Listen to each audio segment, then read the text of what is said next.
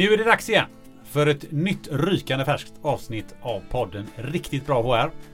Ibland skiter det sig. En podcast för dig som behöver hantera medarbetare. Rubriken på det här avsnittet är En värld full av förmåner och skatter. Och det vet vi ju. Här kan det skitas rejält. Förmåner gillar vi ju alla. Men inte om någon får mer förmåner än någon annan. Eh, och skatt gillar vi också, eh, så länge vi slipper betala själva. Eh, och så länge vi håller oss i Sverige så är det här ju eh, tämligen enkelt och ganska rättvist får man ändå säga. Men ska vi flytta personal utomlands eller anställa människor från andra länder eh, eller andra delar av världen, eh, ja då kan det här bli riktigt problematiskt. Som vanligt så har vi med oss Jakob Bergström från HR On Demand i studion. Eh, Men vi har också med oss en riktig expert på förmåner och skatter, särskilt när det gäller eh, hanteringen i, utlandet. Nämligen Anders Assarsson, VD på företaget Vialto Partners här i Sverige. Välkomna hit båda två. Tack. Tack så mycket. Tack. Ehm, Jag som ska försöka hålla upp det här, jag heter Gunnar Österreich. Och precis som vanligt så börjar vi ju med dig Jakob. Ehm, Tredje avsnittet. Ja. Dags att titulera sig som eh, poddveteran kanske? ja, eller tredje gången gilt. Vi får se. Ja. Men det är roligt. Ja. Hur mår vi idag då? Vi mår superbra. Ja, varför gör vi det? Anders är här. Anders är Du är här. här. Ja. Ehm, Du har fått en caesarsallad till lunch. absolut, bara en Ja. sån sak. Och Bara- ehm, ja, livet är bra. Livet är bra. Det är en, det är en bra grund till, eh, till, den här, eh, till det här avsnittet. Um, vi har bjudit hit Anders eh, och där har ju du naturligtvis varit en del i det att vi ska bjuda ut honom. Bjuda hit honom. Men vad känner du att vi vill ha ut av det här avsnittet? Vad har du för förväntningar? Eh, nej, men jag tror det kommer bli, jag hoppas att det, eller vet att det kommer bli ett jätteintressant eh, samtal. Anders är ju en mångfacetterad person som jag känner sedan flera år tillbaks. Eh, som en väldigt bra expert också att eh, vända sig till när man hamnar i den typen av frågor som, som vi ofta gör som jobbar med HR. Eh, det händer ju från tid till annan att företag behöver skicka ut anställda ut i den stora vida världen. I Sverige har det nog varit eh, väldigt vanligt under många decennier eftersom vi har fantastiska bolag som exporterar mycket. Men allt mer så börjar folk också komma till Sverige. Eh, inte bara för att de måste komma till Sverige utan för att vi måste ha hit dem.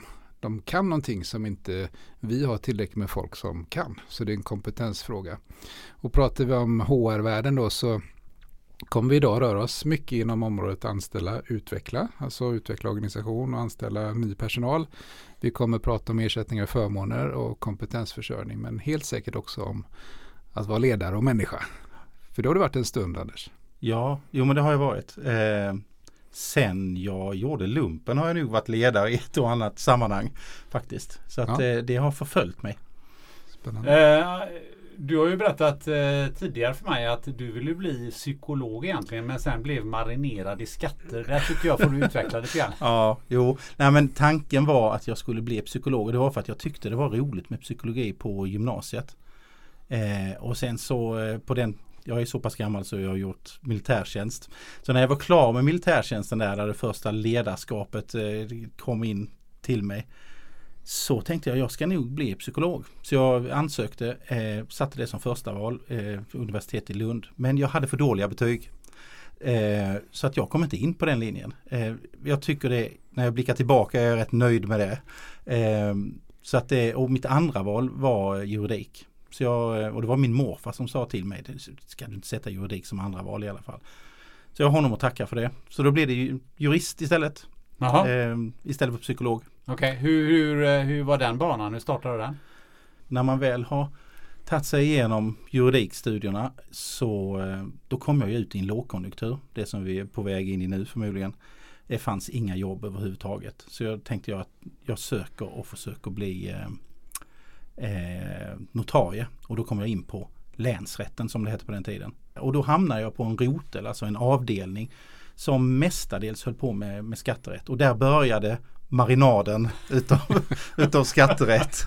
Eh, och, och det var lika mycket låg, lågkonjunktur efter de här två åren, eh, inga jobb på marknaden.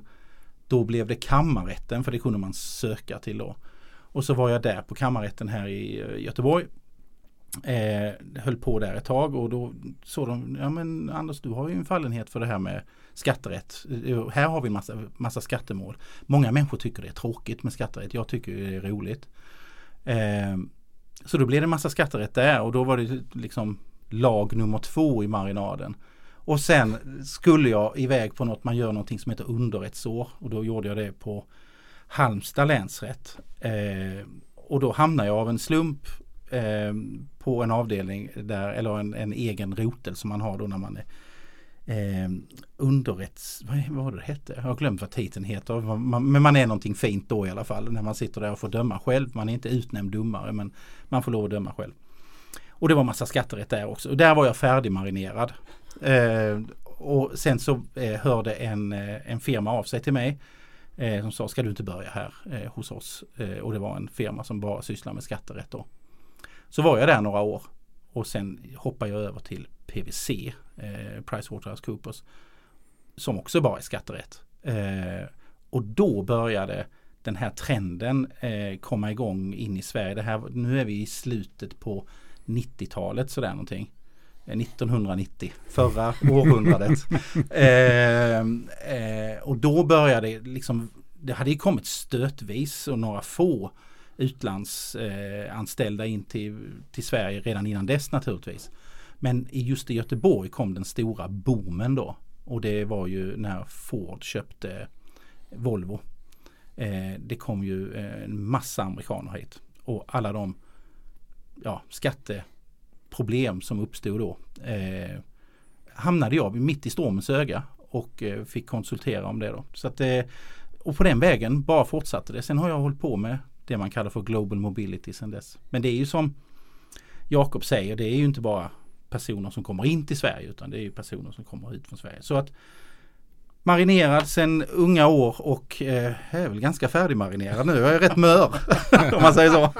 Men eh, det här med skatterätt och så här, det, det, det, kommer du ju aldrig bli arbetslös över. För det kommer bara nya lagar och nya ja, förordningar ja. och nya komplicerade grejer. Ja. Misstänker jag. Det är, det är en sak som är roligt med just skatterätt. För lagarna ändrar sig. Man måste hela tiden kompetensutveckla sig själv. Man måste hela tiden hänga med. Och i, i min profession då med med internationell individbeskattning då är det inte bara att man ska förstå det svenska skattesystemet utan man ska ha en förståelse för andra länders skattesystem. Och framförallt så ska man förstå hur de verkar ihop med de skatteavtal som alla länder har med varandra.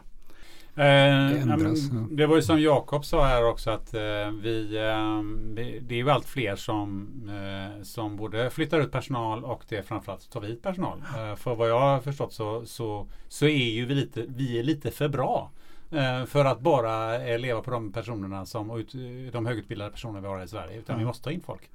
Så kan man nog säga. Alltså vi är ju ett fantastiskt land i, i många stycken. Har alltid varit. Alltså vi har ju företag grundade i början på 1900-talet som fortfarande är i fullt slag och världsledande. Och där är fortsatt innovation i Sverige. Nu senast här i Göteborg, batteriteknik. Eh, vi har eh, kolfritt stål eh, uppe i norra Sverige. Alltså vi är ett innovativt land. Så att det, det är bra uttryck där Gunnar. Vi är, vi är för bra. Eh, vilket gör att när vi väl är mitt uppe i innovationen och sen kanske produktion så finns det inte tillräckligt med människor i Sverige som har rätt kompetens för att dra det vidare. Och därav är det en, ja, vi måste, vi måste hitta dem någon annanstans ifrån. Precis, så att vi ska, jag tänkte att vi ska börja med att prata om eh, hur det är att ta hit personal. Men vi ska ägna en, eh, en stor del av den här diskussionen eh, åt att flytta ut personal till andra länder. Vad som händer då. Eh, men om vi tar hit eh, personal, det, det, det man får höra när man eh, eh läser tidningar och, och, och, nyhetsflöden och så vidare så är det ju liksom, det är alltid Migrationsverket och så är det någon som råkar åka ut. För man får inte vara kvar för att man lämnar in blanketten en dag för sent och, och lite sådana här grejer. Så att um, jag tänker på det. Vad, tycker du det är en bra avstamp att börja och, och, och prata lite grann om de utmaningarna eller var någonstans ska vi börja prata om när, när det gäller att man tar in personal till Sverige? Jo, alltså det är där det praktiska börjar. Eh, det är, man, man, kommer inte in i Sverige om man inte har ett arbetsuppehållstillstånd. arbets och uppehållstillstånd. Så är det något företag i Sverige som behöver ta hit en person eller flera personer så är det ju, och då är det från tredje land, kommer de från EU är det ju eh, lite enklare. Då behöver man inte arbets och uppehållstillstånd. Men om man kommer från tredje land, det är där det börjar praktiskt eh, och det måste man ju ha koll på naturligtvis. I, i eh, det teoretiska på de största företagen som har en glob, egen Global Mobility-avdelning, där har det börjat långt innan dess. För där är det ju planering i förhållande till deras eh, talent management och eh, projekt de tänker dra igång. Hittar vi folk i Sverige? Nej det gör vi inte. Det är rekrytering. Alltså det börjar långt innan. Man måste skriva policies och eh, man måste ha ordning på torpet när man är ett stort företag.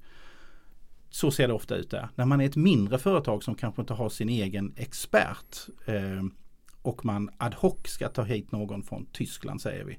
Mm. Då, eh, då, då börjar det mer i det praktiska. Men det är en bra början med migrationen, absolut. För det är nummer ett. Innan man har den på plats så, eh, så gäller det och eh, så kommer de inte in. Och där är ju långa handläggningstider naturligtvis.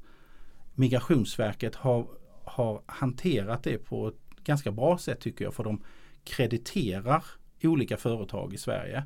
Så man kan få en akkreditering på att man är en kalla det certifierad eh, eh, rådgivare eller ett certifierat företag själv. Där man får en gräddfil in i, eh, i eh, Migrationsverket. Det låter lite sådär dumt när man säger gräddfil. Egentligen är det så att vi då som är krediterade, vid Alto, vi gör huvuddelen utav det arbetet som Migrationsverket skulle göra om de skulle göra det helt själv. Så det kommer in ett snyggt paket till dem som är processat och ordning och reda. Så deras tid de måste lägga på det blir väldigt mycket eh, kortare och då kan de fatta ett beslut snabbare. Eh, och det gynnar, det gynnar företaget som vill ha hit folk.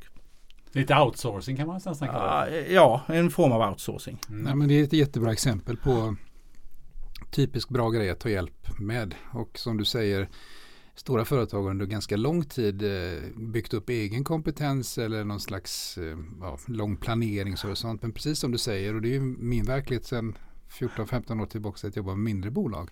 Det är en tydlig trend jag ser att även mindre bolag Ibland ad hoc faktiskt för att de letar då på olika sätt efter personal så hittar de någon. Och det är inte sällan, det är lite spännande bakgrund då. Det kan vara någon som har pluggat i, i Schweiz men kommer från Colombia eh, någon doktorsgrad i, i någon helt obegriplig ingenjörskonst och, som man behöver till det här lilla företaget som utvecklar något, något spets, eh, en spetsteknologi till, till de stora företagen.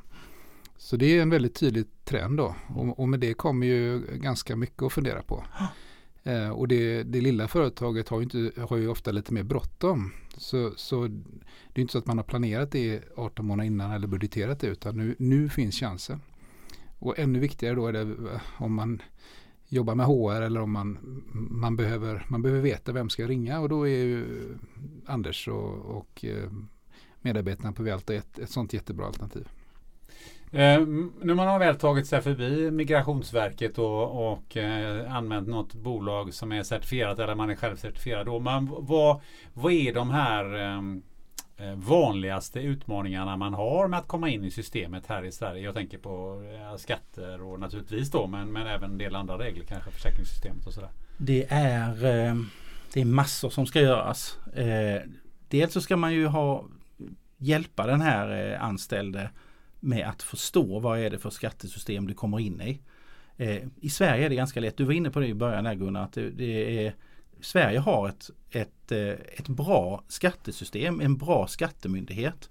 Sen kan man tycka att skatten är hög, vissa tycker säkert det. Eh, men själva systemet vi har byggt upp med digitalisering, bank-id, det är otroligt smidigt om man jämför med hur det ser ut i, all, i många andra länder.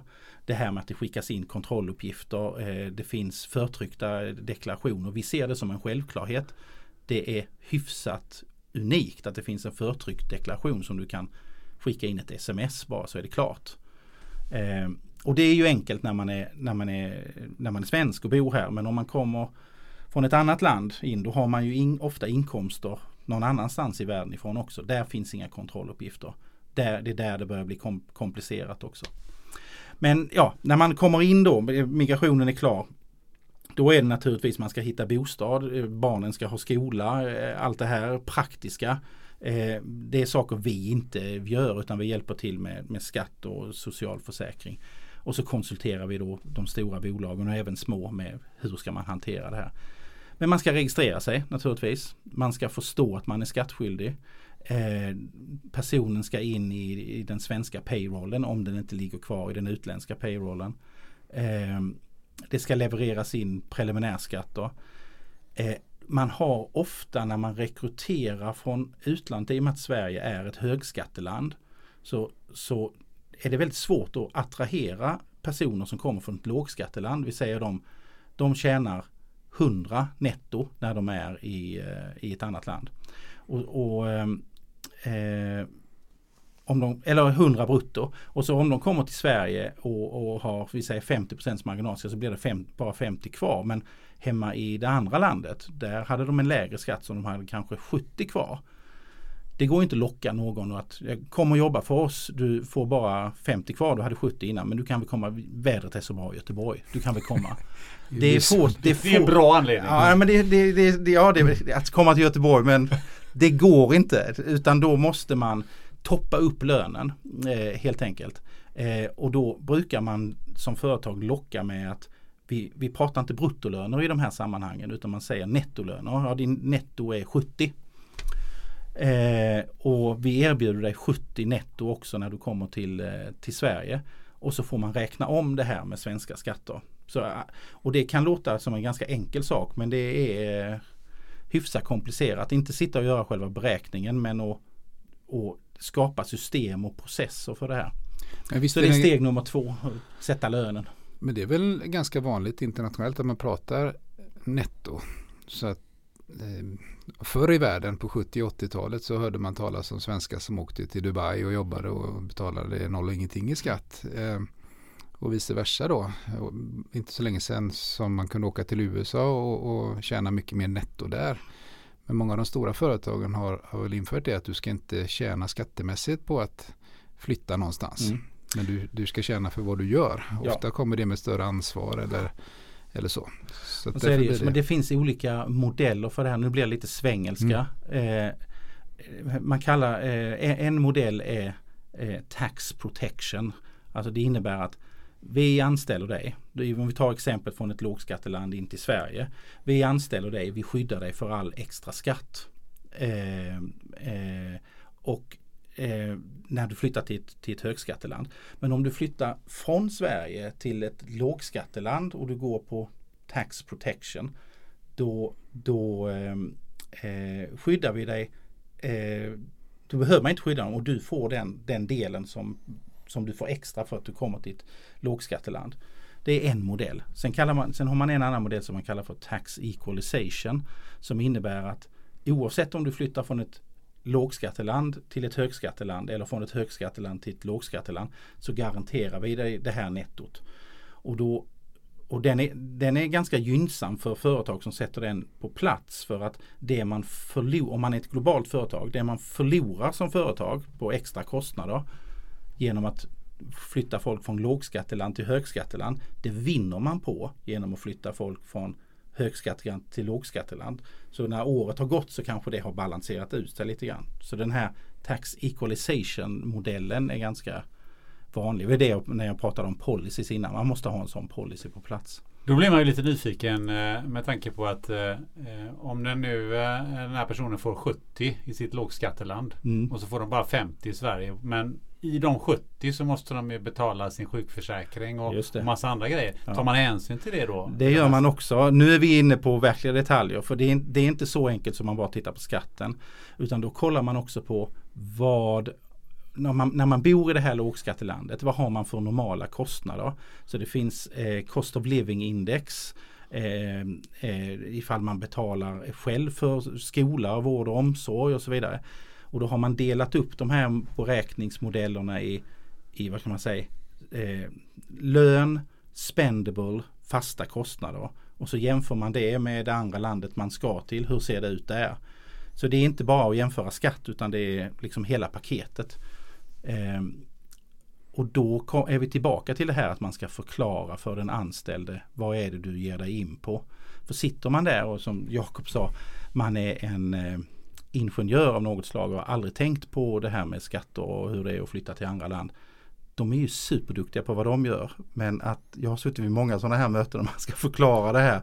Efter ett tag är det kryss i ögonen på dem. Precis som det hade varit kryss i ögonen på mig om de hade berättat vad, vad de kan. Mm. Så eh, där är mycket förarbete. Eh, och sen så vill man ju som företag ha det här så smidigt och så bra som möjligt. För man vill ju attrahera den här arbetskraften. Så man kan inte liksom möta den här potentiella eh, nyanställda med något flum och säga det blir säkert bakom, bakom hit. Då får man inte dem. Då åker de till ett annat land och jobbar. Då tar konkurrenterna dem. Så man måste ha en, en, en bra, robust och snygg process för det här. Så det här är vad du får. Det här är liksom ordning och reda. Det här är vad vi erbjuder. Vi har ju en underrubrik som heter Ibland skiter det sig. N när skiter det sig vanligtvis i, i, i de här processerna? Ja, som vanligt är det, det är, ofta missförstånd. Det är eh, Alltså det värsta som kan skita sig, förutom att man inte har den här snygga och fina robusta processen som man, de inte tar jobbet.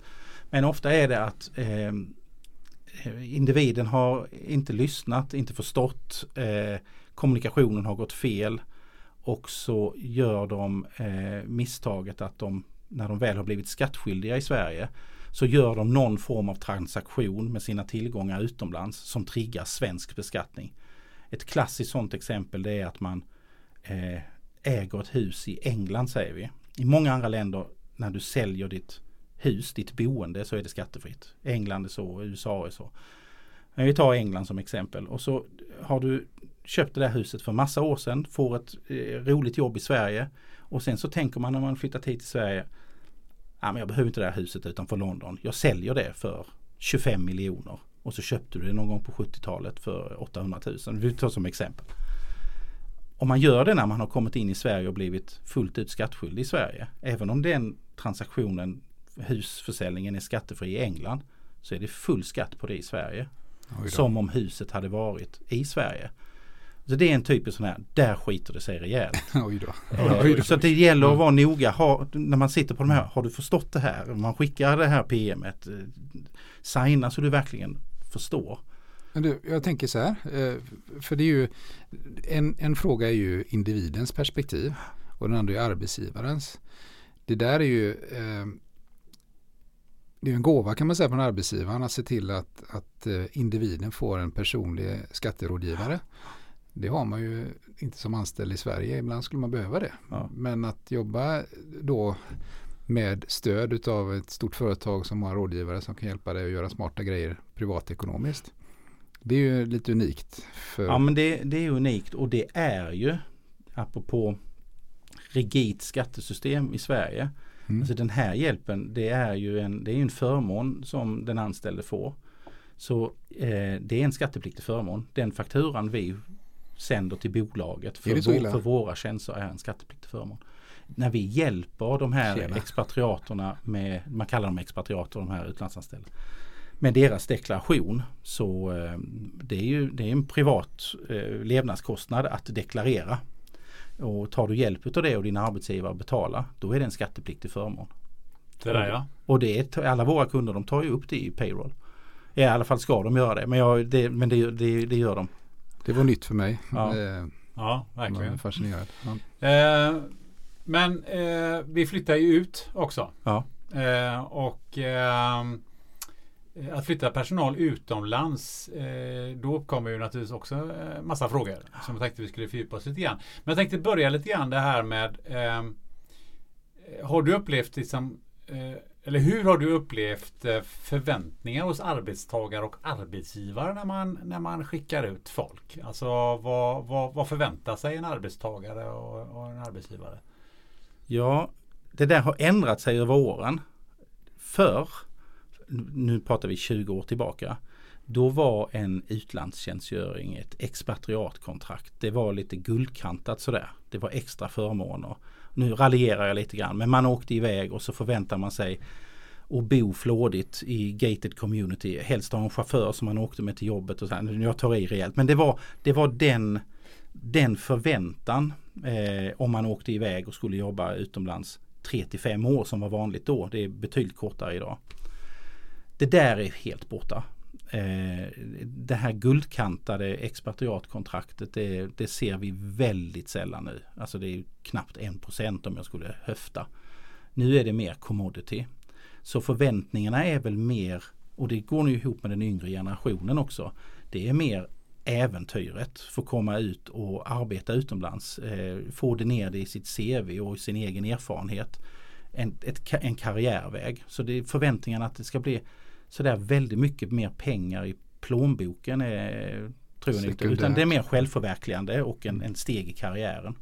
Men är det inte ganska vanligt eh, att de som åker utomlands eller kommer hit i, i jobbet de är lite yngre? Eller, har, har eller är det du som har blivit äldre? Ja, jag du bara äldre. upplever det så.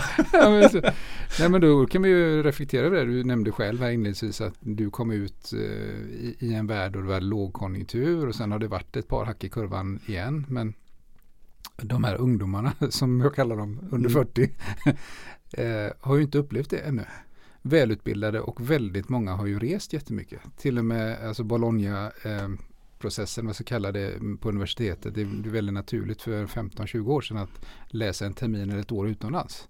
Så steget att, att jobba utomlands är väldigt kort för många akademiker som oftast är de som är aktuella för utlandstjänst. Mm. Jag tror det hänger ihop med globaliseringen också. Mm. Internet, man är eh, eh, man är mer medveten om världen än vad man var Mm. Särskilt när jag var liten, du är ju lite yngre. Men, ja. men då, då fanns ju inte, då fanns ju den här lilla byn man bodde i. Man hade inte så bra koll. Nu, generationen nu har ju ett helt annat syn på världen. De, de är med i, de är födda in, in i globaliseringen. Ja. Jag, jag blir ju liksom inpressad i globaliseringen. Så det är en skillnad där. Så eh, det, när, när den yngre generationen åker iväg så är det för att det är ett äventyr att förverkliga sig eh, inte det här eh, guldkantade kontraktet. Vad, vad, ska man tänka på som arbetsgivare lite mer övergripande när man, gripande när man skickar ut människor i, och då tänker jag på ekonomiska termer, både förmåner och eh, skatter. Finns det något, några generella tips där? Ja men det är ju att det ska vara eh, Det finns ju ändå en liten förväntan eh, kvar om att det ska vara eh, inte guldkantat men det ska vara lite bättre.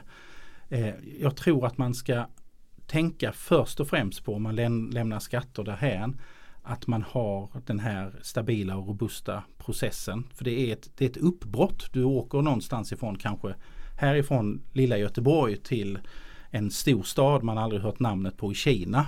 Och så ska man jobba där. Det är tusen grejer att tänka på. Hur går det med barnen? Eh, medföljande. Eh, och som arbetsgivare vill man ju att den som man skickar iväg ska göra ett gott jobb och inte vara fylld av praktiska tankar i, i privatlivet hela dagarna. Så mycket hjälp där med relocation eh, och med, med vad ska man säga, klara budskap på vad som gäller. Sen om man kommer till skatterna så är det ju att hjälpa till med, precis som man gör när de kommer till Sverige, att om vi tar Kina exempel, hjälpa till med att registrera, ha folk på plats som tar emot Eh, se till så de kommer in i, i jobbet ordentligt, får sin lön, eh, kanske till och med har stöd och stöttning att hur betalar man en kinesisk räkning till exempel. Eh, så att man underlättar så mycket som möjligt. Men skatter då, om vi mm. dyker in lite där. Eh, vad, vad är det man kan råka ut för när man eh, flyttar utomlands? Ofta är det ju att man blir eh, i steg ett dubbelbeskattad. Eh, skattejurister som hör det här nu säger han är ju korkad. Vad är det han mm. sitter och säger? Men jag börjar där bara för att komma på, eh, på till undantagen sen. sen. För att göra det enkelt. Vi säger du åker från ett land, Sverige, och så säger vi att eh, skatten är 50% Och så åker du till ett annat land där skatten också är 50% och du har din lön som är 100. Och åker du från Sverige eh, i steg ett nu här så även om du har lämnat Sverige så kan du vara skattskyldig i Sverige så som om du bodde i Sverige. Du, sätter, du har inte dina fötter på svensk mark utan det har du i det andra landet, vi säger Tyskland. Men du har fortfarande någonting som man kallar för väsentlig anknytning till Sverige. Och det innebär, det är egentligen fyra, det är fler än fyra, men det är de fyra tyngsta punkterna där. Det är om du har kvar din maka eller maka i Sverige. Du har kvar ditt permanentboende i Sverige. Det spelar ingen roll om du hyr ut eller inte. Du har kvar minderåriga barn i Sverige Eh, eller om du driver någon form av eh, verks, egen verksamhet i Sverige, att ha ett FOAB eller enskild näringsverksamhet. Eller för den delen eh, som har hänt någon ärvd släktgård med något aktivt skogsbruk på. Eh, där är en liten tuva själv på stort lass. Men om du har den väsentliga anknytning till Sverige, då är du vad man kallar för obegränsat skattskyldig i Sverige trots att du befinner dig i Tyskland. Och det kan du vara resten av ditt liv. Du, det är inte så att det bryts utan så länge de förutsättningarna är kvar eh, att du har väsentlig anknytning så är du skattskyldig i Sverige. Även om jag skulle bli tysk medborgare? Jajamän, har ingenting med medborgarskap att göra. Då eh, medborgarskap står på den här listan. Jag nämnde de här fyra tunga. Där finns en hel lista i lagboken. Medborgarskap står där fast det är liksom och så står det längst ner och så ska man göra en helhetsbedömning. Men har man de fyra då, då är man definitivt. Eh, så då ska man betala 50% skatt i Sverige. Trots att du har din förmodligen din lön utbetald ifrån det tyska bolaget och när du bor där i Tyskland för du bor och jobbar där. Så det är den svenska delen och nu är det bara tjänsteinkomsten jag pratar om här, lönen. Så ska du betala 50% här. Då har du 50 kvar. Och sen så har du ju landat in i Tyskland och bott där ett tag och då säger ju tyskarna Ja men du är ju skattskyldig här. Du är ju här. Vi har ju kriterier i vår lagstiftning som säger att här ska du betala skatt. Precis som alla andra tyskar som är här. Och by the way, vi har 50% skatt också. Så vi kan få de andra 50. Då har man ju noll kvar. Eh, och det inser alla, så här går det inte att ha det. Så då finns det regler. Eh, då har man skapat mellan länderna eh, någonting man kallar för skatteavtal. Det hette dubbelbeskattningsavtal för eh, när jag höll på att marineras där nere. I, men, men nu heter det skatteavtal. Eh, som då har regler som säger enkelt uttryckt vilket land får beskatta vilka inkomster. Det är inte så att skatteavtalet säger att du ska bara skatta i Tyskland för att du bor i Tyskland. Nej, nej, nej, nej, det hade varit för enkelt. Utan det är istället för varje inkomstslag. Hur ska räntor beskattas? Hur ska utdelningar beskattas? Hur ska lön beskattas? Royalty? Pension, you name it. Alla, alla typer av inkomstslag du kan tänka dig är specialreglerade. Och det är inte så att det bara tillfaller Tyskland. Det kan tillfalla Sverige och det kan tillfalla båda med avräkning i det ena eller det andra landet. Var var jag? Jo, när man då är, hamnar i den här situationen så är dels finns det dubbelbeskattningsavtalet, eller skatteavtalet. Sen så finns det också om man tittar på Sverige om du flyttar ut särskilda regler i den svenska lagstiftningen som säger aha du har åkt till Tyskland och du är där och jobbar mer än sex månader eh, och du har inte varit i Sverige mer än 72 dagar. Nej, det har jag inte varit på ett år. Nej, det har jag inte varit. Och du skattade i Tyskland. Ja, fine, då ska inte vi ha någon skatt. Den sexmånadersregeln är eh, en, ett undantag för att underlätta. Det är en en hyfsat unik regel för Sverige. Det är väldigt få länder som har det så. Eh, utan andra länder använder sig av reglerna i skatteavtalet. Man skulle kunna säga, det här är ett tips till vår finansminister. Man skulle kunna säga så att om man skippar sexmånadersregeln så skulle Sverige få in mer skatt än när vi har sexmånadersregeln. Men medborgarna, svenska medborgare, individer hade skattat eh, lika lite lång historia att gå igenom men sexmånadersregeln är bra, den är praktisk, våra kunder gillar den, vi gillar den. Fast nationalekonomiskt är den inte bra. Vi ger bort skatt till ett annat land med sexmånadersregeln. Vi skulle använt oss av skatteavtal istället. Sen finns det en regel till som jag måste ta upp mm. som är jättekonstig. Den funkar på samma sätt som, som sexmånadersregeln och det här gäller än en gång bara lön. Som säger att om du är i Sverige och bosatt här du åker iväg och är fortfarande skattskyldig här och kan hamna i den här knepiga situationen jag beskrev med Tyskland. Men du åker inte till Tyskland utan du åker till Dubai. Så du åker till ett land som inte beskattar din inkomst. Så du har 100 i, i inkomst i Sverige och du har samma 100 när du åker till Dubai. Så när du, när du var i Sverige så hade du 50 kvar när du betalat skatt. Så åker du till ett land som inte beskattar den här inkomsten så du får ut allt hundra där. Då har vi en regel i svensk lagstiftning som säger Jaha, du har åkt, du har åkt från Sverige till Dubai. Du är fortfarande skattskyldig i Sverige som alla andra svenskar på grund av din väsentliga anknytning. Men vi ser att du har åkt till ett land där du inte betalar någon skatt. Och du är inte i Sverige mer än 72 dagar. Då vill inte vi ha någon skatt heller. det låter ju helt otroligt. Det är helt, det är helt otroligt att vi har en sån regel. Den, jag, jag, jag tror jag ska åka till Dubai snart. Ja. eh, men det är fantastiskt att vi har en sån regel. Den är, om jag kommer ihåg rätt så är det här en kvarleva från eh, alltså 60-70-tal tror jag. Nu, nu, kommer folk till att rätta mig här i efterhand men jag tror det. Eh, när vi eh, hade väldigt mycket biståndsarbete i, i, i, Afrika och så vidare. Det var för att underlätta att det skulle vara enkelt att åka iväg. Eh, men den här regeln lever kvar, används jätteofta utav oss skattejurister. Eh, den är supermärklig tycker jag i, i, i dagens samhälle. Eh, att åker du till ett, skatt, till ett land som inte tar ut någon skatt. Du är egentligen skattskyldig i Sverige. Då tar inte vi ut någon skatt heller. Varsågod, tack och hej. Det låter det som en härlig logik. Ja. Eh, nu, nu, har du varit inne på Tyskland och Tyskland och Tyskland och Tyskland är ju med i EU. Ja. Eh, och det låter precis som att ja, men i Dubai, eh, flyttar du till Dubai så blir det tydligt mycket enklare. Men Tyskland som är med i EU, samma organisation som vi själva är med i. Mm. Då blir det väldigt snårigt. Det borde inte vara tvärtom. Jag menar, är man, flyttar man till ett land som inom EU så borde det vara ganska enkelt. Ja. Så var det väl tänkt en gång i tiden med, med EU. Um, det skulle ju vara fri rörelse utav kapital och tjänster och, och människor. Eh, och, och den tanken är fin. Sen så har ju det är väl så med stora organisationer som EU att det utvecklas och utvecklas och utvecklas och så eh, vill man införa kontrollfunktioner.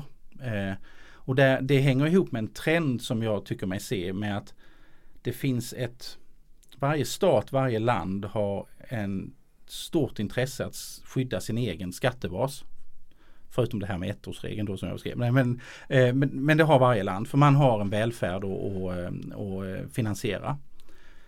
Eh, det innebär att man sätter i verket eh, regler för att kunna kontrollera att vi får verkligen få in våra pengar. Och så blir det i, i EU också. Eh, ett bra exempel på det det är eh, ett direktiv som kom för ett tag sedan som heter Posted Workers Directive. PVD. Eh, och då eh, införde man det i EU och på klassiskt manér säger man att eh, det här direktivet ska gälla. Det ska vara till förmån för att om någon flyttar inom EU eller man kommer utanför EU och in i EU också gäller det. Så ska det vara särskilda minimikrav på anställningstryggheter, eh, Eh, eh, ja, eh, att det är schyssta arbetsvillkor och så vidare. Så ska vi ha det, säger man i EU. Och så går alla med på att ja, vi ska implementera det och så säger man men ni får implementera det hur ni vill. Så då har varje land inom EU implementerat det här på sitt lilla sätt. I Sverige är det att man ska gå och anmäla sig till Arbetsmiljöverket. I ett annat land så är det en helt annan process. Det är en typ av blankett i Sverige, en helt annan blankett i ett annat land. Eh, och det här är ett krav och, och eh, om du inte följer de här reglerna så blir du som arbetsgivare straffad för det. Det är höga sanktioner på det. Så om man skulle flytta ett, eh, man säger man, man har exporterat en stor maskin till Österrike säger vi. Och så går den maskinen i sönder och så måste vi skicka eh, åtta stycken reparatörer ner för att laga den för det ingår i vårt kontrakt. Och så skickar man ner dem så de är där och jobbar. Eh, under sådana förhållanden att PVD-ansökan måste göras. Men så glömmer man eller man struntar i att göra det. Då är sanktionerna så höga i Österrike så förmodligen så går hela den affären i putten. Och jag väljer Österrike som exempel nu för att det är ett faktiskt fall där sanktionerna för att man inte hade fyllt i blanketten och skickat in det till österrikiska myndigheter är så höga så hela vinsten på det här projektet gick åt skogen. Det var en klient till oss som gjorde det. Så det har inte blivit enklare. Eh, det är bara en sak, eh, den här PVD-ansökningarna. Sen så ska man ju, när man flyttar inom EU som EU-medborgare, så ska man kunna visa vilken socialförsäkringstillhörighet man har. Och då måste man ha en liten blankett som heter A1. Har man inte A1, illa illa. Finns till och med vissa länder inom Europa, inom EU som om du blir tillfrågad men kan inte visa upp att du har en A1 så alltså kommer du inte in i landet trots att du är en EU-medborgare. Så den här A1 måste du ha. Och den måste du ibland ha bara att du är en, en tjänsteresenär eller en pendlare mellan länder eller sådär. Va? Eh, vilket innebär att om du som företag, eh, ett stort företag i Sverige har massa människor som far inom EU. Det är inte helt ovanligt att det är så så måste de här människorna, eh, eh arbetstagarna, var, eh, uppfylla kraven för att ha en sån här A1. Om det är så att de behöver visa att jag tillhör svensk socialförsäkring eller jag tillhör holländsk socialförsäkring. Och ha ordning på det är helt omöjligt. Eh, det går inte med en liten post-it-lapp på datorn eller ens med ett Excel-ark utan du måste ha teknologi som stöttar det här. Och det är en annan business vi har. Det är en annan grej vi hjälper företag med vi skapar den teknologin. Eh, vi har en plattform som man kan man fyller i sin kalender var man är någonstans. Eh, eller så har man en GPS tracking där man är någonstans, vilket land man är, inte vilken gata man är på i landet. Mm. Och så eh, frågar man den här eh, eh artificiella intelligensen, vår IT-plattform, behöver jag en A1? Ja, det behöver du. Och det frågar man redan när man bokar resan i resesystemet hos sin arbetsgivare. Och när, eh, när eh, teknologin säger ja du behöver en A1 så trycker man på knappen och så blir det automatiskt en A1 eh, upprättad och inskickad till dig. Det är så man måste hantera det. Eh, annars så går man bet. Men är det även på väldigt korta tider? Om jag åker ner fyra dagar och jobbar på en mässa i eh, Nürnberg. Måste jag ha en A1 då? Eh, normalt, sett, normalt sett inte. Normalt sett inte. Men om du är men om du åker hela tiden eh, till, alltså att du är, i, du är en reparatör och du ska ner och laga den här maskinen och du åker ner varannan vecka i, i ett par månader. Absolut behöver du en A1 då för att visa. Sen, sen är det, det är väldigt få som åker på en, en, alltså om man åker på en mässa som så, då jobbar du ju inte. Utan då är du, det, det finns en massa regler som beroende på vad du gör om du behöver en A1 eller inte. Men det finns länder som har föreslagit, nu är jag tillbaka på Österrike igen. Det finns länder som har föreslagit att om du, om du är i Österrike, de satte inte de här reglerna i, i, eh, i verket men det fanns ett förslag att om du var i Österrike och du hade tillgång till ett boende, alltså om du ägde en, en hytte där eller något sånt där, va? inte om du tog in på hotell. Och du dessutom hade tillgång, du behöver inte ha det med dig men du kunde visa att du hade tillgång till din arbetsgivares, den, den datorn du har från din arbetsgivare. Då skulle du registrera dig. Du kunde till och med bli skattskyldig. Så långt i det här protektionistiska har det, har det gått. Nu gick inte de reglerna igenom tack och lov. Men så långt är det tänkt, eh, tänker de här eh, staterna i sin protektionistiska eh, skattesyn. De vill in så mycket skatt som möjligt. Där ser jag fördelen med att heta Österreich. För det hade de aldrig frågat mig vad säger du Jakob? Det var en lång utläggning. Har ja, ja. Vad, vad, går, vad tänker du? Ja, jag tycker det är ju fantastiskt eh, att lyssna på någon som är så Eh, kompetent och duktig och, och också engagerad i frågorna. Och jag är glad över att man inte behöver tänka på det själv. Eh, frågan var också lite grann vad, vad, är det som kan skita sig eller vad som arbetsgivare när man skickar ut någon. Och jag träffar inte sällan personer som har varit utskickade till, du nämnde Kina eller USA eller sådär, från både små och stora företag. Och eh, det arbetsgivaren och arbetstagaren, men ofta arbetsgivaren inte har tänkt på är vad händer sen då? Alltså när du kommer tillbaks. Mm. Och en sak som också ändrats lite grann eh, lagmässigt genom åren är att man man har numera en, inte kvar sin anställning hemma i Sverige utan man blir anställd i det lokala bolaget i ett annat land. Eh, och då kommer en massa andra frågor in. Alltså, I Sverige när du är anställd här så skyddas du av svensk arbetsrätt till exempel. Men det gör du ju inte om du är anställd någon annanstans. Och, och sen är det väl också inte helt klart utrett vad, vad är det självklart att du ska få komma tillbaka och bli anställd igen då? Här hemma. Men, men framförallt den mentala resan tror jag att man missar ibland att tänka på att okej detta är ett steg i min karriär eller i din karriär som arbetsgivare, men vad händer sen? Mm. Eh, för den är, om man, man kan ju likna också en organisation vid en hink med vatten och så rör man runt och så lyfter man handen så är det ganska snabbt fullt igen eller stilla för den delen. Så den platsen man lämnar som arbetstagare i sin organisation när man åker ut i företagets tjänst, eh, den är ju fylld när man kommer tillbaks. Det har Mm. kommit någon ny, ny och fyllt den så då blir man liksom lite över. Så den här, då tänker jag från HRs perspektiv att tänka lite planering. För det är ju en del i kompetensförsörjningen för bolaget men också för kompetensutveckling för individen. Det är en förmån att få åka utomlands och jobba. Det är en förmån att få komma hit och jobba. Men hur tar man vara på det över tid? Mm. Det, där är, Ja. det där är en klassisk grej. Eh, man investerar i de här som man, Mycket man pengar. skickar ut stora pengar. Och så har man ingen, man kallar det för repatriering när de kommer tillbaka. Och så har man ingen riktigt bra plan för det. Man tar inte hand om dem när de kommer tillbaka. De kommer tillbaka där till så som spannen såg ut när de åkte fast de har inte sin plats och går omkring som en främling i korridorerna på, på arbetsplatsen. Och till sist om man kanske inte tar hand om dem så, så, fly, så drar de. Och då går hela den investeringen till en konkurrent. För de drar ju ofta till en konkurrent. Så att det, det finns många företag som har program för repatriering.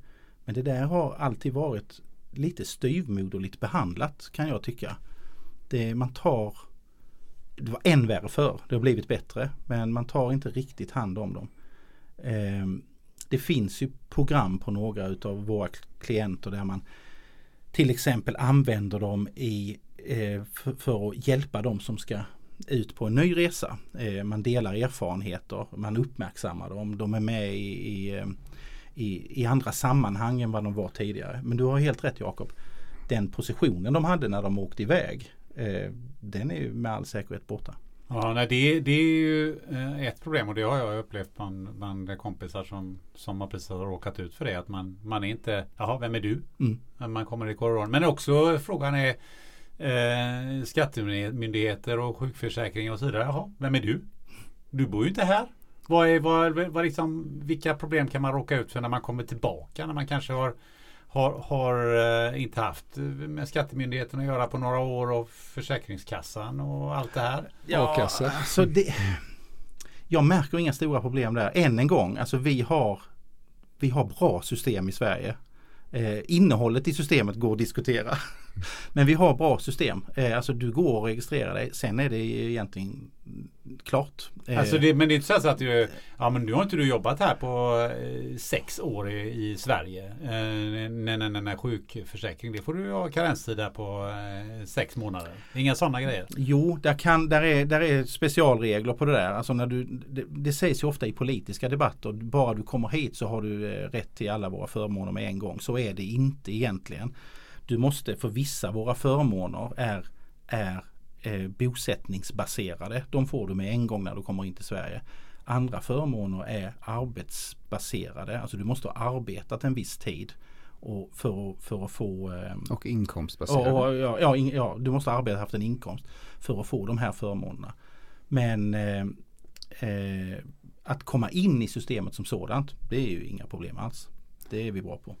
Nej, men jag tänker på det, nu är tillbaka till HR och, och lön och, och eh, vad händer när någon blir sjuk. SGI är en trebokstavskombination som, som används ganska mycket.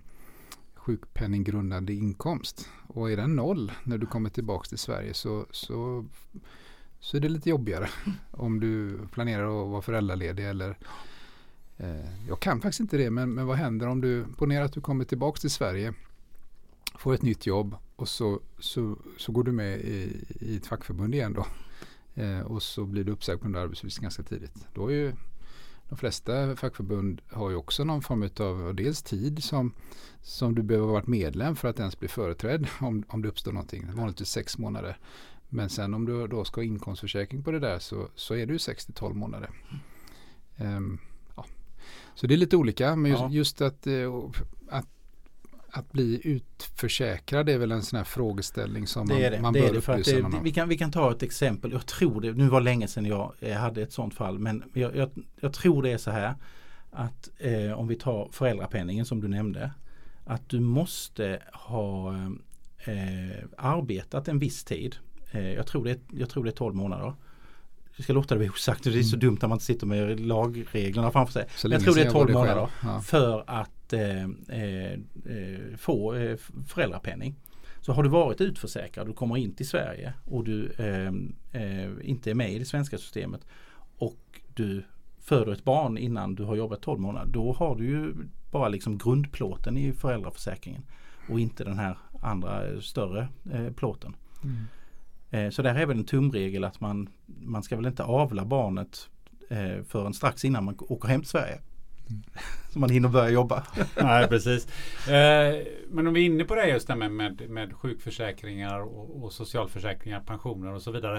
Eh, det är väl också ett tema när man flyttar utomlands. Vad, hur säkerställer man att, att, att sjukförsäkringar och socialförsäkringar fungerar på samma sätt i, i det land man kommer till? Det, är ju, det, det där är jättekomplicerat för att vi har ju vad gäller socialförsäkringar och skatter så finns det de här avtalen, skatteavtalen och konventioner mellan länder om vilket lands socialförsäkringssystem man ska tillhöra. Men nästa steg, hur ser det ut i Kina med sjukförsäkring eh, och, och eh, om, om du Olycksfall. Ja, och- olycksfall och så vidare.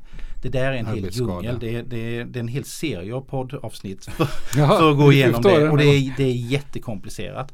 Men däremot, eh, jag ska passa på nu eftersom det här går ut i etern. Eh, eh, för det, det närliggande, det är pensioner. Det är ju väldigt bra reglerat med de här på skattesidan och socialförsäkringssidan. Och så har vi ju alla eh, förhoppningsvis en, en tjänstepension. Många av oss har det i alla fall. Och så ska du åka iväg till, jag tar USA som exempel. Och då om du ska vara kvar i den svenska tjänstepensionen under tiden du är i USA och jobbar ett par år. Så ser USA det, den, den tjänstepensionen som vi, vi går inte och tänker på vår tjänstepensionspåse eh, varje dag. Men USA ser den påsen som vilken investering som helst.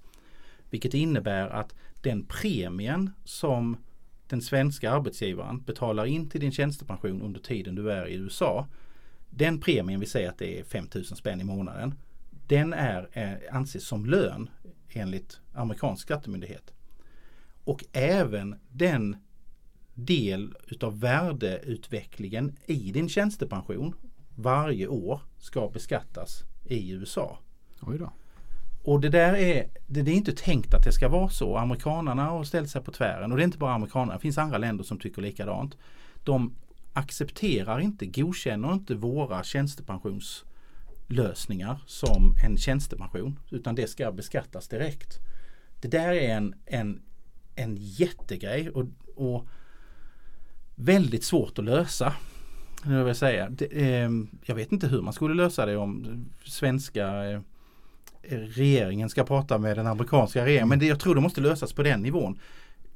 Jag hittar ingen lösning eh, i våra skatteavtal eller i, i andra regler för att komma undan det här. Och det är ett problem för många företag att det ser ut så just i USA. För det behöver inte vara, vara den som åker över. Vi säger det är en, en kvinnlig ingenjör som åker över och så jobbar hon för eh, ett svenskt företag i USA. Men hon tar familjen med sig. Och, och, ehm, och mannen har en tjänstepension som sätts vilande. Han jobbar inte ens en gång när hon är i USA utan han är hemmapappa, tar hand om barnen. Han ska beskattas för sin tjänstepension som ligger där och, och tickar och ökar i värde. Det är en helt galen regel. Eh, Det är ju avdragens land också i USA. Om, om det mot förmodan blir så att din tjänstepensionsportfölj förlorar i värde får du göra av, skatteavdrag på det. Vet faktiskt inte det. Ja, Det, det, har, det var så länge sedan de, det gick back. Det kanske är nu i lågkonjunktur nu- nu så, händer som det det kan vara så. Jag vet Ja. faktiskt inte det. Ehm, men det där är, det där är en, en riktigt jobbig grej för det finns ingen bra lösning på det. Och är det någon som lyssnar på detta som har en bra lösning, ring mig. Jag är intresserad. Ja, vi, vi, vi kommer faktiskt ha ett avsnitt i podden, minst ett, om, som handlar om, om pensioner och försäkringar, den delen av, av, eh, av, av anställning och arbetsgivarförhållandet också så småningom. Nå- Något som var lite intressant eh, för många, många år sedan. Jag jobbade i Schweiz eh, några år. Eh, och då när jag flyttade hem från Schweiz så Mm. fick jag hela min pension, eller nästan hela pensionen utbetald Mm. när jag flyttade därifrån. Som en klumpsumma. Mm. Det är också Ja. ganska intressant Ja. åt det hållet. Vissa länder har det så. Australien är så också att du kan välja när du lämnar Australien. Nu tar jag min pension och drar. Eh, man, man får lov det. Eh, så det, ja, det har jag stött på några gånger. Ja. Ja, det är mycket olika regler. Ja. Ehm, eh, Vi har ju pratat om att vända hem men, eh, och vi pratar om när det, när det skiter sig. Men eh, det finns ju också eh, händelser där det faktiskt kommer en kris på riktigt så att säga. Vi har ju varit med om det nu med, med, med covid. Mm. Eh, människor fastnar i, i, för att man slutar, man får inte lov att resa ut. Eller, eller för den del eh, de här eh, kriget i Ukraina med, som är både påverkar Ryssland och, och Ukraina. Ehm, hur, hur ska man hantera personalfrågor i, i de här fallen? För, för det måste man ju göra på något sätt i ett förebyggande fall. För när det väl händer så, så, så då är det ju kris så att säga. Mm. Jag vet att ni jobbar med, med de här bitarna också. Ja, det gör vi. Vi, eh, vi har ju krishantering. Eh, för det första, man måste veta var man har sin personal. Det är nummer ett. Det vet de flesta arbetsgivare idag på ett eller annat sätt. Man har sina HR-system och så vidare. Vi har system för det också. Eh, eh, så det, förr var det jobbigt att man visste inte var de var. Eh, men nu har man hyfsad koll. Var har vi folk ute i världen? Och sen så ska de ju evakueras på ett eller annat sätt. Eh, och i, eh, om vi tar covid nu den senaste, ja det är inte, kriget i Ukraina är väl den senaste. Men om vi tar covid så är det ju att få hem människor på ett, eh, på ett säkert sätt. Och då är det ju i normalfallet eh, samma skatteregler som gäller, samma regler kring socialförsäkring och sådär. Sen kom där en massa, massa undantag eh, under covid där man lättade på det här rigida regelsystemet så att man tyckte det var okej att man satt hemma och jobbade ett tag remote men man kunde ändå tillhöra så att man åkte, man bodde i Holland och så åkte man till Sverige under covid. Eh, men man kunde ändå vara kvar i det holländska socialförsäkringssystemet fast man i en icke-covid-värld skulle gått in i det svenska. Och sådär, va? Just det. Ja. Eh, så, så det är det. Sen så har det ju varit det har ju varit kriser. Om vi tar den arabiska våren, nu är det här länge sedan. Då var ju inte vi Vialto, då var vi PVC. Vi blev ju Vialto nu i, i år. Men det är samma organisation vi, vi sitter på, det är samma människor, det är bara vi har ett annat namn. Då var det ju folk som skulle evakueras där framförallt från oljebolag som eh, nere i, i Nordafrika. Och där var ju Alltså på ett raffinaderi eller på en eh, olje... Eh, eh, Tanker, eller? ta- nej, nej, Nej. På, på liksom där man eh, tar upp oljan i, eh, i, i öknen någonstans där Okej, nere i, ja. i, eh, i Nordafrika. Där var ju folk från precis alla länder man kan tänka sig. Alltså folk från Mexiko, Brasilien och Azerbajdzjan och you name it, amerikaner och kineser Indien säkert. som jobbar på det här eh, stora oljebolaget. Och de skulle ju bara ut för annars var det ju risk för deras liv. Eh, och då gick ju inte att säga nu skickar vi mexikanarna hem till Mexiko så här, utan det var liksom in i ett plan och så iväg. Eh, och då satt det då en massa nationaliteter på ett plan från ett land i Nordafrika, jag tror det var Libyen vid det tillfället, eh, i luften på väg mot London. Och när de landar på Heathrow så har de ju ingen, eh, vissa fick ju inte med sig sitt pass och det, det var ju bara kaos alltihopa. Eh, men de måste in i landet, de kan inte sova i terminalen. Där, då vår klient kontaktade oss, nu behöver vi hjälp i den här eh, krishanteringen. Och då hoppade vårt migrationsteam in och medan de var i luften så hade vi förhandlingar med, med brittiska migrations, motsvarigheten Migrationsverket för att göra undantag så vi fick in dem i landet. De kom till hotell och sen så fick vi då ansö eh, liksom ansöka så att de kunde vara där ett tag för att sen flyga hem. Så den typen av krishantering har vi också. Och det är likadant kriget i Ukraina har ju fått många företag som är svenska företag som är etablerade i Ryssland att vi måste ta hem folk. Eh, och det har också blivit komplicerat att det finns ju både EU-sanktioner och amerikanska sanktioner på hur vi får lov att hjälpa eh, ryska medborgare som eh, är i Ryssland. Det, är ju, det får man inte lov att göra nu, det är sanktioner på det. Så det är också en form av krishantering. Hur, hur får man ut eh, folk från Ryssland? Ja, för det blir ju väldigt snabba regeländringar. Plötsligt blir det en sanktion mot någonting. Mm. Eller plötsligt får du inte komma ut och, och så vidare. Finns det några grundläggande system som man måste ha på plats för att eh, Som sagt, många har koll på det. De har sina HR-system. Eh, De flesta är uppkopplade på eh, de här eh, SOS. Eh, Vi har, vi har alla, alla klienter vi hjälper, där vi hjälper deras medarbetare, så har vi ett system som vi kallar för My Mobility. Där vi har fullständig koll på var de är någonstans, så länge de har varit där och så vidare. Där man snabbt kan få tag på dem. Alla uppgifter finns där. Man kan skicka ut eh, mail och sms och och hela konkarongen för att liksom varna och säga att nu är det, nu är det dags att ta sitt pick och pack och dra. Eh, och sen har jag märkt nu under de här kriserna som har varit på de klienter jag är i kontakt med. Det finns en helt annan medvetenhet idag än vad det fanns för 20 år sedan. Nu har man ju hela avdelningar med med Ja, för, för oss lite. säkerhet. Det fanns ju inte för- för 20 år sedan. Lika lite som det fanns det fanns inte ens titel Global Mobility Manager eller Head of Global Mobility på företaget. Den titeln fanns knappt för 20 år sedan. eh, Eller 25 år sedan när jag började. Nu finns det en uppsjö av titlar och en helt annan organisation kring det. Om vi nu nämner pandemin som, som eh, en eh, specifik eh, händelse här och det ledde ju till att många började och, och, och jobba på distans. Och då kan man ju ställa sig frågan, behöver vi skicka ut några människor eller ta hit några människor? Alla kan väl jobba på distans? Ja, det, det, och det var många företag som gick ut också. Framförallt, framförallt de stora techbolagen var tidigt ute med att säga work from anywhere. Eh, eh, sen så gick det väl upp för HR-avdelningar och Global Mobility specialister att så enkelt är det nog inte. För att eh, det finns regler eh, ja, det tar lång tid att, att, att, eh, att förklara. Men det- om vi tar Sverige som exempel. Eh, det finns ju regler att om man åker ut från Sverige och så sätter man sig i, i, i ett annat land. Och så har du en framskjuten position i det här företaget, det svenska företaget. Så du sitter där nere och jobbar i, i det andra landet, landet X. Och du är där i sådan omfattning att du sluter avtal där och du fattar beslut där och du ehm, eh, eh, sköter ditt jobb därifrån helt enkelt som har avgörande betydelse för företagets business.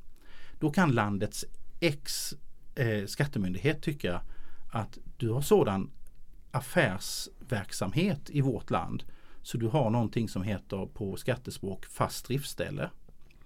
Det vill säga du har plats för business. Du måste skapa ett bolag eller en filial till det svenska bolaget. Och det bolaget får rapporteringsskyldigheter och så vidare.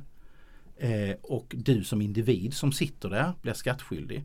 Så att, att bara säga till sina medarbetare work anywhere. Sitt precis var som helst. Indonesien eller Bali eller Thailand. Precis. Eller, Så apropå att ibland skiter det sig. Då kan det skita sig big time. För du kan rätt vad det är få liksom, eh, en affärsverksamhet i de här länderna. Med all den administration och compliance och skatteanspråk eh, som det innebär. Både för dig som företag och från, för individen som är där. Då kom jag på en lysande idé. Ja. Alltså jag sätter mig i Dubai och jobbar så åker jag bara hem och spelar in lite poddar då och då. ja. Så behöver jag inte skatta en spänn. Ja, du, du får ringa mig så ska jag dra ner den ballongen lite grann. det är inte, det är Jag inte tycker, riktigt, du, du, jag det är tycker du, du, du hissade upp den här ballongen bra innan här. Ja, jag är, väl- jag är väl kanske eh, känd för det att jag är en väldigt positiv människa.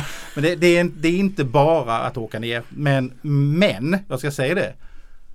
Eh, jag har varit med om att det har varit, det varit mindre företag som hade det som affärsidé. De hade inget bonusprogram. Men de hade en faktisk verksamhet nere i Dubai. Så när man hade varit en riktigt duktig medarbetare i, eh, i Sverige och man skulle premieras så sa de, nej men vi tycker att du ska jobba i Dubai på vår verksamhet där nere i ett år drygt. Och så åkte man ner och så kunde man använda den här dumma regeln jag pratade om, ettårsregeln. Så fick man sin lön skattefritt i, eh, i, i ett år. Det var inget upplägg som jag gick och berättade för dem. De hade kommit på det själv. Eh, så det har hänt. Det har hänt. Det har hänt. Eh, jag tycker vi börjar närma oss eh, slutet på det här avsnittet. Det är otroligt eh, uttömmande. Men eh, om, vi, om vi lyfter oss då till den, den globala nivån här och, och pratar globalisering. Alltså det, det, det finns ju rätt mycket ehm, regler och snåriga grejer som, som egentligen motarbetar eh, äh, den, den, den globalisering som, som ju många vill, vill uppnå. Kan du se några eh, trender kring, kring kompetens och, och flytt och så vidare? Vad, vad, vad kommer vi se närmaste tio åren tror du? Vi kommer att se det som jag var inne på där med mer protektionism vad gäller skatterätt från varje stat som krockar med globaliseringstrenden. Alltså en kraft som, som vill skapa global affärsverksamhet i globaliseringen och länder som, och för den delen EU också, som skapar, gör att det blir lite mer komplicerat för att man vill ha kontrollen och dra in skattekronorna. Det är en trend. Eh, så därför tror jag att de som jobbar med Global Mobility idag, de är i en hotspot. Det här kommer inte till att bli enklare. Kanske på någon liten hörna någonstans i hela det här spindelväven utav eh, regler. Men det kommer bara att bli mer komplicerat. Vilka utmaningar behöver man ta, då ta höjd för som arbetsgivare tycker du framöver? Ja, men man måste hitta eh, rätt kompetens inom Global Mobility-området eh, och anställa dem. Det märker jag nu i, i Sverige men även i världen. Alltså företag skriker efter folk som har den här kompetensen. Eh, är man juridikstuderande idag och sitter och lyssnar på detta. Alltså börja med internationell individbeskattning. Det är verkligen en, en hotspot. Eh, och sen som företagare att ta höjd för det är nog att få armarna runt det, ta ett samlat grepp. Där är de största företagen idag i Sverige. Absolut, de har bra koll. Är man ett medelstort företag som börjar liksom nosa på att ta hit kompetens till Sverige eller etablera sig utomlands. Ta hjälp. För det, är annars, man, det, det går Absolut. i diket annars. Det går ja. i busken helt. Eh, om vi, eh, vi, det är dags att avrunda eh, mm. tycker jag definitivt. Eh, och jag tänkte att Anders att vi kunde avrunda med, med att sammanfatta det här lite grann och, och eh, skulle du kunna kristallisera ut tre viktiga punkter som, som du tycker man ska tänka på? Och då kanske vi kan koncentrera oss på om man ska flytta ut personal till, till, eh, från Sverige till, till utlandet. Är det några sådana här saker, de här grejerna är grundläggande? Förutom att man ska ringa dig? ja, eh, man ska eh, i, i mycket generella termer då eh, man ska ett, man ska ha ordning på torpet. Alltså man ska, man ska skapa, som jag nämnde innan, robusta rutiner och processer. Tänka till. Varför gör vi detta och så vidare. Eh, och kanske inte ha en policy one size fits all utan beroende på vad det är för typ av utlandstjänstgöring. Om det är de här reparatörerna som ska åka och laga maskinen eller det är någon som ska bygga upp en ny verksamhet och vara ekonomiansvarig eller VD för bolaget utomlands. Olika eh, policies för olika kategorier. Det är det. Två, eh, det är ta hjälp utav de företag som hjälper till i den här branschen. Och det är ju då det är ju då eh, företag som, som jag representerar med skatte och socialförsäkring och migration och sånt. Men också relocationbolag. Eh, för där är, där är mycket som behöver hanteras rent praktiskt. Och sen tre som vi var inne på. Se till att ta hand om investeringen när väl personen kommer tillbaka igen. Eh, lika bra processer och rutiner som ni har när ni skickar ut folk. Se till att skapa ett riktigt bra mottagande eh, när de repatrieras och man tar hand om investeringen. Det, det är top of mind, tre mm. första. Toppen, top of mind. Eh, vad är top of mind eh, hos dig Jakob framöver? Vad har vi? Eh, jag för, för mig att du nämnde för mig att, att vi har fler gäster på ingång. Ja, vi har fler gäster och vi vill ha fler gäster som, som brinner för sin sak och kan tillföra eh, sakkunskap inom HR men också erfarenhet Så eh, jag sitter och processar allt jag hört från Anders idag. En del visste jag innan och andra saker har jag lärt mig igen eller fått repeterat superbra tycker jag. Så sitter jag och funderar på, eh, du ställde en fråga Gunnar om, om, om ett, vad är det, ett viktigt system när det blir kris eller någonting. Och eh, någon slags, jag skulle vilja kalla det systemet i så fall, gör något. Eller händ eller ta tag i det. Eh, för det lär vi väl oss alltid att eh, om det blir kris eller jobbigt och man inte gör någonting så blir det alltid sämre än om man försöker. Men i de lägena lyssna av i sitt nätverk. Vem är det, vem är det som kan hjälpa mig med detta? Så nätverken är ju viktiga då.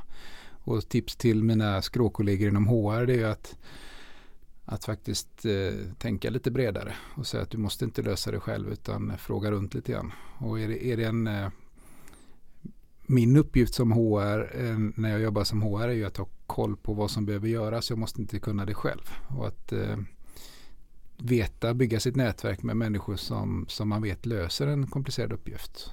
Och det är därför Anders är här, liksom, för det är en del av mitt nätverk sedan, många år tillbaks. Vi träffades faktiskt när jag var på ett större bolag på Hisingen i eh, just en HR-chefsroll och eh, Hisingen är en liten nu utan jag är i Göteborg för er som är internationella lyssnare som förstår göteborgska. Eh, det är en helt annan story men då skulle vi hantera människor som skulle verka och jobba i Norge. Norge var det på den ja. tiden. Och, och, det var en annan tid och era. Och jag, jag, tar med mig en annan sak som, som, som du säger så klokt kring det här med skatter och att, att den skattelagstiftningen verkar vara lite rörlig till skillnad från familjerätt eller, eller eh, brottsmål eller vad vi kallar den ja. juridiken. Så, så det som är rätt idag kommer inte vara, var inte rätt igår och det kommer inte vara rätt imorgon. Så att hålla sig lite ajour eh, kring det som händer. Mitt perspektiv är aldrig när jag hjälper arbetsgivare att hur ska vi hjälpa den här personen att inte betala så mycket skatt. Utan det är snarare där, hur ska vi hjälpa den här personen att göra det han eller hon själv behöver göra för att eh, vara försäkrad. Eh, att inte hamna liksom, i någon tokig situation efteråt. Eh, att arbetsgivaren också ska tänka på saker de är skyldiga att göra som de inte normalt sett kanske är. Du nämnde PVD här och A1 och allt, allt vad det hette. Men det finns ju mycket som helst. Så, så ring Anders eller Örjan eller någon annan där på, på Vialto så löser man det. Ja, härligt. Mm. Uh, jag eh, känner som moderator att idag har vi fått riktigt bra HR.